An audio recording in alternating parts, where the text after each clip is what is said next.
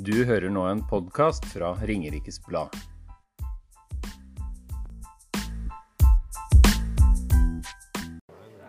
Yes, da er vi klare for siste del av uh, samtalen mellom de to Per-ene. Og um, da skal vi snakke litt mer om uh, ledelse, organisasjon og kultur. Det har vi blitt bedt om å snakke om. Og dette med endringsprosesser og hvordan man skal lykkes og sånn. Eh, og det er, eh, det er vel én ting som eh, Sten Magnus pleier å si da, om eh, ledelse, som egentlig er eh, rimelig bra. Han deler ordet i tre. Han. Le, del og se. Det er smart sagt. Du er jo en smarting. Så eh, le, det har jeg oversatt i min organisasjon som kultur. Hva slags kultur skal, skal arbeidsplassen min ha? Hvordan skal den fremstå? Hva skal den være kjent for? Så er det én ting som aldri kommer til å gå av moten, og det er å se folk. Det går ikke av moten. Du må se folk. Og hvis jeg har hatt noen form for suksess, så tror jeg det var da jeg begynte å se folk. Jeg begynte å bli opptatt av de som jobba der, og lurte på åssen de hadde det. Og hvis du har mange ansatte, da, så behøver du ikke å gå rundt og håndhilse på hver eneste en hver eneste dag. Det er veldig slitsomt, og du blir møkkete på henda. Men du må kunne se dem. Jeg tok en sykkel ja, da jeg begynte på sykehuset der, og sykla rundt hver dag. Da var det en på et annet sykehus som sa 'Åssen har du tid til det?' Så sa jeg 'Åssen pokkeren har du tid til å la være?' Det er jo ingen som veit hvem du er. Og det er nok å gjøre sånn. Så ser folk deg. Og når du blir sett, og det er vel suksessen til han eh, Kjell B. Hansen Alle vet jo hvem han er. De har sett den i blad, som det heter på Ringerike. Og de har sett den på bussen når han skal innaføre. Det er ikke det vi sier på en post. Skal innaføre. Har vært innaføre i dag. Han pleier ikke å ta bussen. Han kjører, han kjører ja. Grønt skifte. Eh, så er bra. Og det er så han eh, Men han Kjell har vist noe av det der å se folk, hilse på folk, være omgjengelig.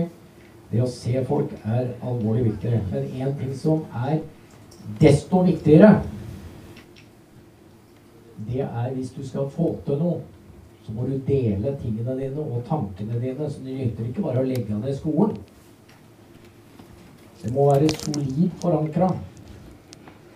Og det er på det tidspunkt at du klarer Hører deg ikke ute, skjønner du. Nei, men det er ikke så farlig heller. Det skal utafor her. Helt ute. Du må få på dette greiene her igjen, da. Jeg er ikke så god på sånn teknikk. Men det å dele og dette blir viktigere og viktigere når folk nå har begynt å dele at noen har bakt ei kake, f.eks. Jeg har skjønt at det er populært. Jeg er ikke på sånne sosiale medier, men folk forteller at de har tenkt å jogge. De har tenkt å bake kake. Og det er masse flott de driver på med hele tida, som er helt unaturlig. vet du. Så dette er om å gjøre å få fortalt. Men skal du lede en bedrift, så må du dele informasjon. Skal du lede en kommune, så må du dele informasjon. Hvis du skal legge ned politi, så må du høre med de som bor der, om de syns det er ålreit.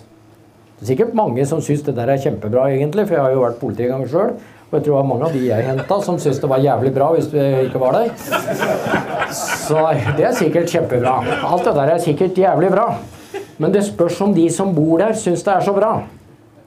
Når alt kommer til alt. Så i ledelse så må vi ta Sten Magnus' ord. Le, del og se. Del det opp. Senest i dag så foreleste jeg med det på foil 1. Le, del og se. Og det går pokkeren ikke av moten. Det er helt avgjørende for at vi skal bygge dette lokalsamfunnet. Og da spør vi vår utmerkede stortingsrepresentant hva slags kultur, organisasjon og ledelse bør dette samfunnet på Ringerike underlegge seg? Det er et sted. Det var ei som spurte meg, nå skal jeg ikke si hvem det var, for da skal jeg få sånne anfall av høflighet.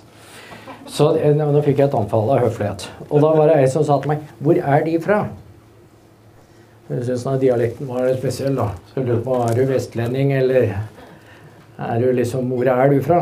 Jeg er fra Hønefoss, jeg, sa. Hønefoss. Ja, nå må jeg tenke.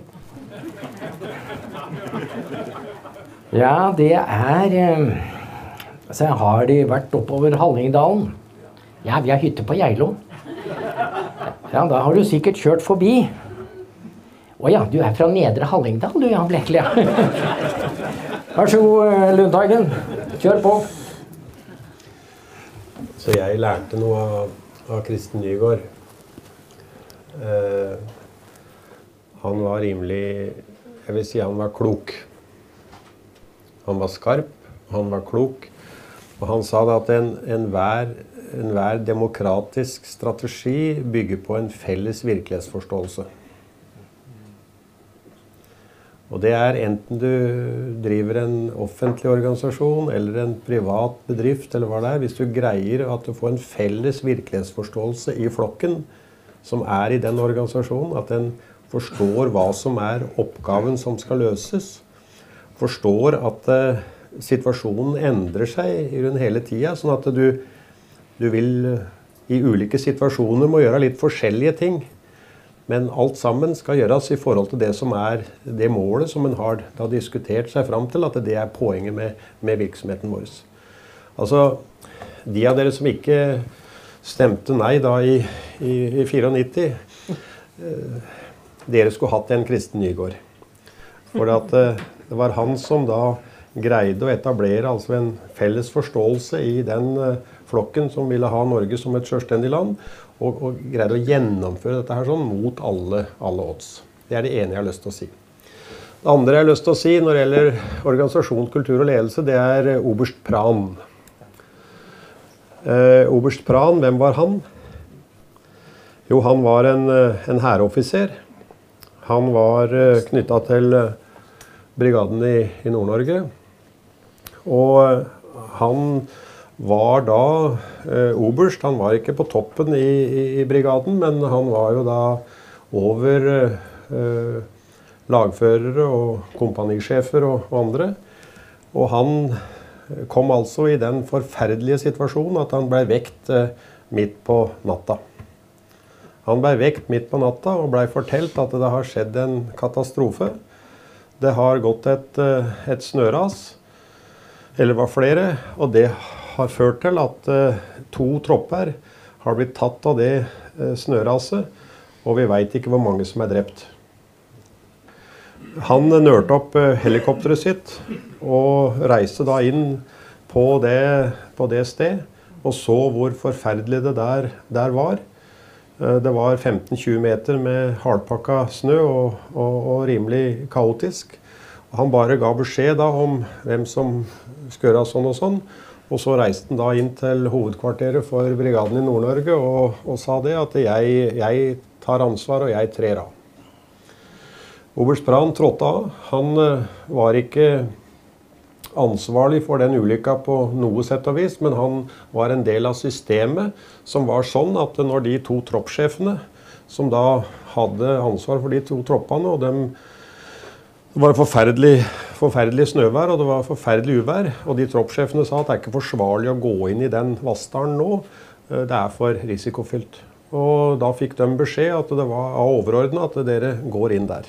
Og denne ulykka skjedde. Det var altså da eh, militærets eh, måte å lede på eh, den gangen. Eh, det førte altså til at eh, obersten gikk av. Han gikk i psykisk depresjon. Han fikk ingen støtte av sine overordnede, men det ble en svær diskusjon i etterkant om hvordan en skulle lede i, i Forsvaret. Og Det endte da med det som heter eh, operasjonsbasert ledelse. Det betyr at den som står i situasjonen, den har de beste forutsetningene for å vurdere hva som er riktig å gjøre. Og hvorfor tar jeg fram det? Jo, fordi at uh, det er uh, noe som som eh, da blei sentralt i forbindelse med den forferdelige katastrofen som skjedde her på, på Utøya. Eh, for da blei det jo vist for eh, de fleste at det som da var kulturen og organisasjon, kultur og ledelse i, i politiet, det, det, ga ikke de resultatene som en, som en trang. og dette kom da opp i kontroll- og konstitusjonskomiteen som jeg satt. Og jeg eh, ba da om møte med oberst Pran. Han var på, på kontor hos meg. Og eh, han sa jo da to ting. Eh, Punkt én er at noen må ta ansvar. Det er det første. Dvs. Si tre tilbake. Eller gå av eller bli sparka, eller åssen du formulerer deg. Det, er, det får være mer eller mindre diplomati, men altså noen måtte, måtte ta ansvar. Og det andre var at dette måtte sette oppmerksomheten på hvordan offentlige beredskapsorganisasjoner blei leda. Og det som da eh, skjedde, var jo at vi greide den gangen å få en, et flertallsmerknad eh, mellom Arbeiderpartiet, SV og Senterpartiet om at eh, nå var det da operasjonsbasert ledelse som skulle gjelde i de offentlige instansene. Enten det var på, for deg på sykehuset, på traumedelen der sånn. Der Ringerike sykehus fungerte jo den gangen glitrende på tross av ledelsen overordna. Det var jo helt fantastisk hvordan dere tok ansvar si, på egen, egen hånd med de kirurgene og de som, de som var der. sånn. Det skulle gjelde altså for sykehuset, det skulle gjelde for, for, for brann, det skulle gjelde for, for politiet og det skulle gjelde for, for Forsvaret. Eh, Dette var jo da eh, den eh, helt åpenbare reformen som burde vært kjørt fram i, i offentlig sektor. Altså at de som er i førstelinja, de får da eh, et ansvar, får en myndighet til å handle ut ifra overordnedes eh, hva skal en si, ønsker om hva en skal oppnå i organisasjonen, men har da både ansvar og friheten til å, til å gjøre det der sånn. Men istedenfor altså å gjennomføre en sånn reform i politiet eller, eller på den ene statlige sektoren etter den andre, så har du nå gått inn på det som, som er da det motsatte, nemlig en, en strukturreform hvor da eh, dessverre effektiviteten heller blir dårligere enn blir, blir bedre. Det blir heller dyrere enn enn billigere. Så at det med organisasjon, kultur og ledelse er jo så omfattende. Jeg sitter nå med, med ansvaret i, i Senterpartiet på, for Nav. Er det noen av dere som er, er i, i ansatt i Nav her? Nei, det var i grunnen rart at det ikke var noe om det. for at det, Jeg er i andre enden. du er i andre enden, Ja, du ser åssen Nav fungerer, ja. Altså, Nav, Nav er jo en utrolig viktig organisasjon. Den, den har en administrasjonskostnad som er, er nesten like stor som hele jordbruksoppgjøret. De av dere som er, syns at bøndene får for mye, så bare, bare husk på det at Nav koster omtrent like mye som alle bønder over statsbudsjettet i Norge. Men det som er problemet da med Nav, er jo at eh, de som sitter i førstelinja, de som møter folk, de som møter Møter deg, da? Er det det du prøvde? Jeg får bare penger der. Du får bare penger av dem, ja. Pensjonist. Ja, ok. Men altså, de som trenger, de som trenger samfunnsbevågenhet, de som er, de som er, eh, er eh, delvis arbeidsføre, de som, de som sliter i samfunnet, de som virkelig trenger bistand, de trenger jo å møte noen myndige mennesker som kan, som kan eh, både bistå, hjelpe, ta, være med å ta beslutninger. De, er jo de, beste, de har jo gjennom det møtet der den beste forutsetning for å handle i, i tråd med overordnets eh, hensikt. Men de har jo For det første er de for få, og for andre så har de for lite myndighet. Og det fører jo til at den organisasjonen fungerer svært dårlig i forhold til hva han, hva han kunne, kunne vært. Det var min utlegning om, om dette. her. sånn. Det er så vesentlig. Og det her gjelder på Nav, det gjelder på skole, det gjelder på område etter område.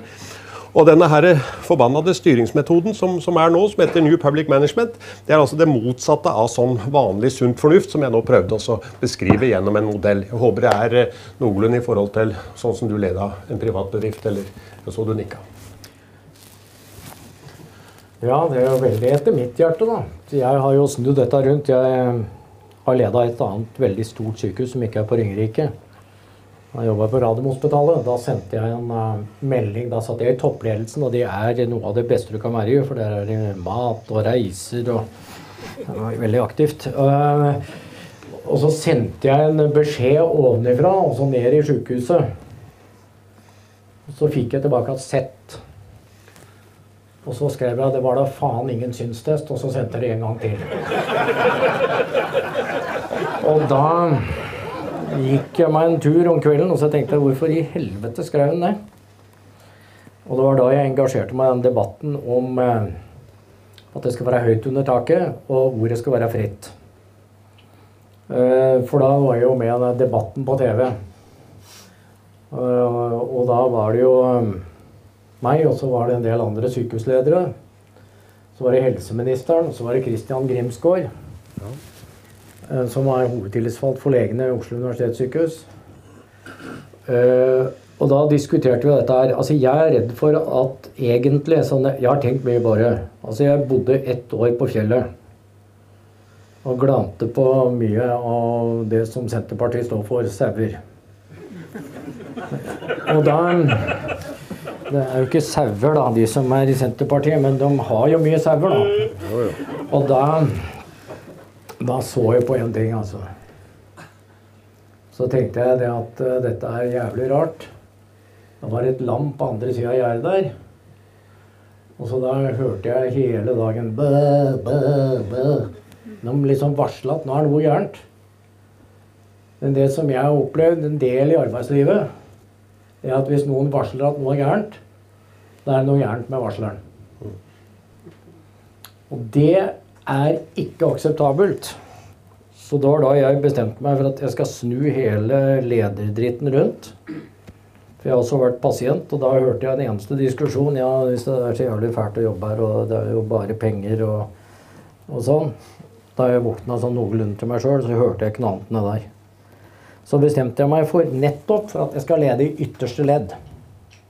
Og nå driver jeg Norges eneste fagstyrte sykehus. Og det leverer både økonomi, produserer mer doktorgrader enn noen gang. Og det er én ting som jeg tror Jeg prøver å gjøre nå en eh, kvalitativ undersøkelse, da. Skal ha litt hjelp av Terje, jeg samarbeider mye med han. Og vi skal intervjue alle dårlige ledere etter en mal. De vet jo ikke sjøl at de er dårlige, da, men, eh, men eh, ledere som ikke får hederlig omtale. Og så kan det hende du får besøk, da, Ola, for da skal jeg intervjue alle vellykkede ledere. Og så skal jeg prøve å trekke en konklusjon. Og jeg har begynt denne jobben. Det ser ut som det er en fellesnevner allerede. Overkontrollerende ledere leverer dårlig. Tillitsbaserte ledere leder godt. Men da må du tillate det frie ord. Så at han reiser seg opp og sier noe om skolen, det er jævlig bra. Vi må tillate at folk har en mening. Hvis de bor i en kommune, og de er taxpayers, så er de ikke et problem. Men de er berettiget til å snakke. Og ledere som reagerer fornuftig på det, er fornuftige ledere. Led, del og se. Så Kjell, vær ute på torget så mye du orker til du slutter.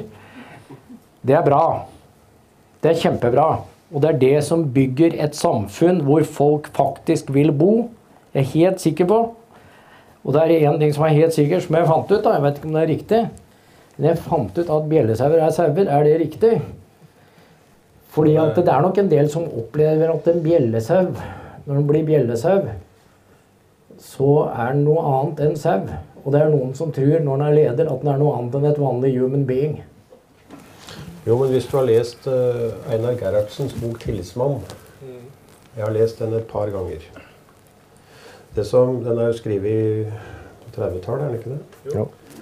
Uh, det Einar Gerhardsen skrev der, det var at du må velge ledere blant de som har naturlig autoritet i flokken. Og det står for meg som veldig klokt og veldig naturlig. Altså Hvis du har en naturlig autoritet fordi at du, du, du takler ting rimelig bra, så går lederskap uh, mye enklere. Og det syns jeg partier burde være mye mer bevisste på når en setter opp uh, kommunevalglister, f.eks. Uh, få med uh, folk som har naturlig autoritet i de ulike miljøene. Så, så, går, det, så går, det, lederskapet der, der lettere. nå hadde jeg noen andre poenger, men de blei ble borte. Ja, Mener du jeg ødela dem, eller? Nei da, du ødela nok ikke, ikke de poengene, du. Det får heller, heller, stå. Men altså det der med, det der med, med, med, med naturlig autoritet, det er Det, det er veldig Altså det, det, er jo, det er jo så mange i dag i, i politikken som som, si, som ikke har vist hva de er eh, gode for i arbeidslivet eller i samfunnslivet. En, en har, jo ikke, har, jo ikke, særlig referanse, har jo ikke særlig erfaring fra det der. Sånn, sånn at det, det, det, det blir jo et, et misforhold mellom eh, hva skal man si, hvilken makt de menneskene har, og, og, og hvordan de blir, blir ansett. Og det, det blir jo da et problem. Jo, poenget mitt er varsling, som du sa. Poenget mitt var varsling. Altså, Vi har veldig mye diskusjon om varsling på Stortinget. Men varsling og varslingsinstituttet, er ikke det Det er jo noe som trer i kraft etter at det har egentlig gått veldig galt, er det ikke det? Det er først når det går ganske galt at du kommer inn på det her med, med varsling. Og det er jo, er jo, er jo det er jo et resultat at det skulle vært gripet inn lenge før. Det skulle, vært, det skulle vært en kultur, en atmosfære, sånn at en kunne si fra at det ikke trang å bli den situasjonen. Men det vi altså det, det, jeg får melding om så mye på Stortinget, er både innafor Nav Det er så mange mennesker som kommer til meg og sier at nå, Per Lundteigen, nå er jeg så glad for at jeg, må, at jeg slutter. Jeg er så glad for at jeg snart er 62. Jeg orker ikke mer. Dette her, det er altså, det er altså så problematisk å, å, greie å gjøre en god jobb. Og, og, dette er jo noe som de har prøvd å sagt ifra, men det har ikke hjelpa. Og tilsvarende har vi jo, Det skal vette åssen det putrer under kjelen på politisida. Det, det, det, det, lekker jo som en sil til oss om, om hva som er virkeligheten der. sånn. Og det, det blir, jo ikke, blir, jo ikke, tatt hensyn til av noe av de som sitter der oppe. Og, det ender jo da opp med at til slutt da, så er det da noen som blir varslere. da. Og så har vi da et system som er sånn at hvem er det som taper i en varslingssak? Jo, det er stort sett varsleren, varsleren som taper. Sånn at eh, det, det, det, er, det, er, så mye også, å hente rundt disse her, disse her tinga som vi snakker om eh, her. sånn, Og den organisasjonen som greier å få dette til å funke, den har jo et konkurransefortrinn som er helt fantastisk i forhold til der hvor det fungerer som pass. Ja, Det er jeg helt overbevist om. Altså Det som er poenget, det er at vi må tåle problemer. Det er kjempebra. Men konflikter skal vi prøve å unngå. Og det er i organisasjoner, for de er bare destruktive. De bare ødelegger. Problemer er faktisk eh, grunnlag for eh, en god diskusjon og en mulighet til å finne nye veier. Det som er poenget før vi eh, begynner å avrunde dette her, det er jo egentlig at det som er bra med dette eh, konseptet til disse gutta, det er jo at eh, nordsida tenker tanker. Det er jo faktisk Det er faktisk utrolig bra. Det er utrolig mye engasjement. Det er mange som møter opp. Det er mange som har meninger. Eh, og eh, jeg tror at eh, Ringerikssamfunnet er på vei opp. Vi må bare få politikere som tilrettelegger. Jeg jobber i Bærum nå. Er, jeg må bare skryte av Bærum kommune. Det er en enkel kommune å forholde seg til. De er vant til næringslivsutvikling. De ønsker at vi skal lykkes. Vi må tilrettelegge for den veksten her. Vi må tilrettelegge for kommende generasjoner som skal gå på skolen, og lytte til de som eh, bor her. Eh, vi må støtte opp disse gutta fra universitetsmiljøet, sånn at det må prege byen. At det skal preges at vi, er, vi, har, den, vi har det fotfestet vi har på Ringerike. Men vi er i ferd med å bevege oss inn i nye retninger, og det det syns jeg er kjempebra. Det er andre gangen jeg ser den gjengen her.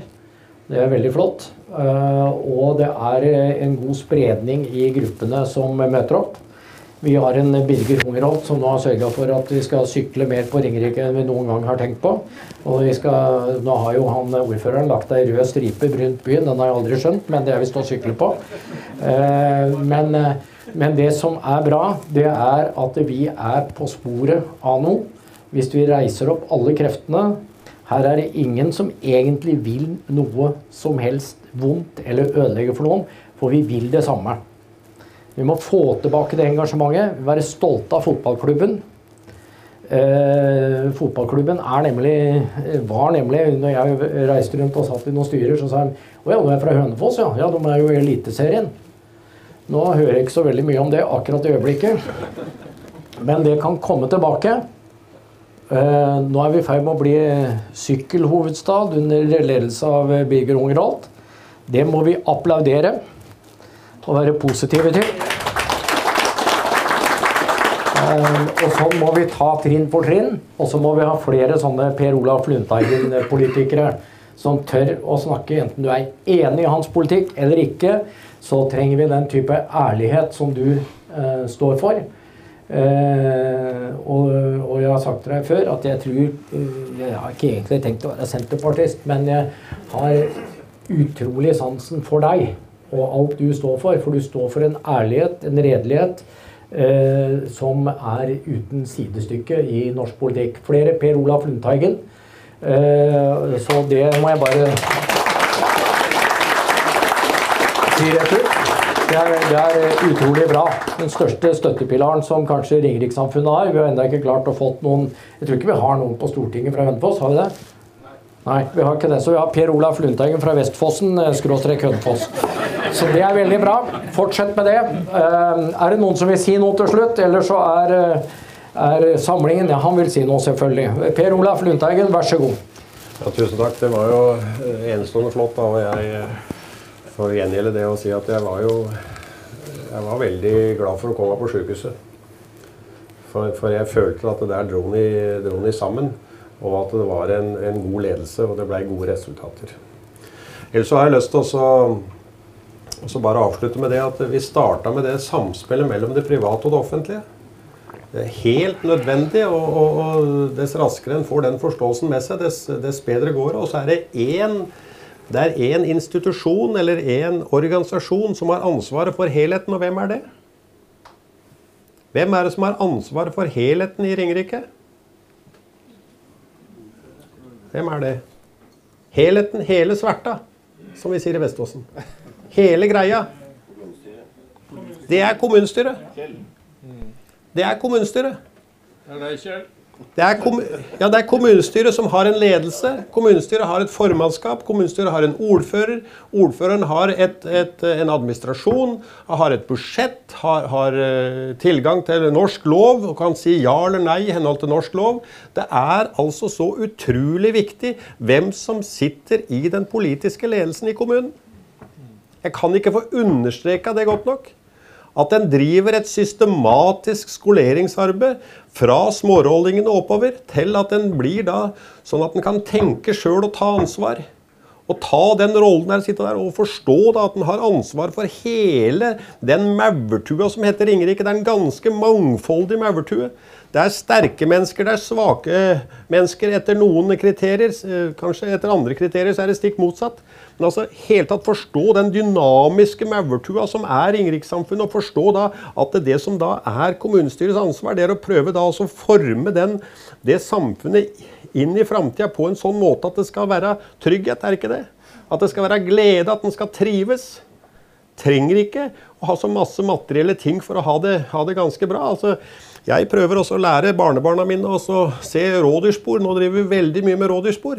Og så har vi drevet masse med, med det å plumpe, plumpe i bekken når det er litt uh, halvdårlig is. Og, og, og, og, meitemark, sjølsagt. Og, maur og, disse tinga her. sånn. Altså forstå kanskje enkle ting som gjør at livet er, er, er bra, og at eh, en ikke er så materielt eh, opptatt som kanskje mange ganger er. Men, men poenget mitt var altså til slutt altså det med at det er kommunestyret som har ansvaret for det. og Jeg hadde ikke noe som hadde gleda meg mer enn at flere hadde vært interessert i å bruke noe av tida si i kommunestyret og være med da også å utvikle det fellesskapet og dyrke den planta som heter Ringerike, på en god måte framover. Takk.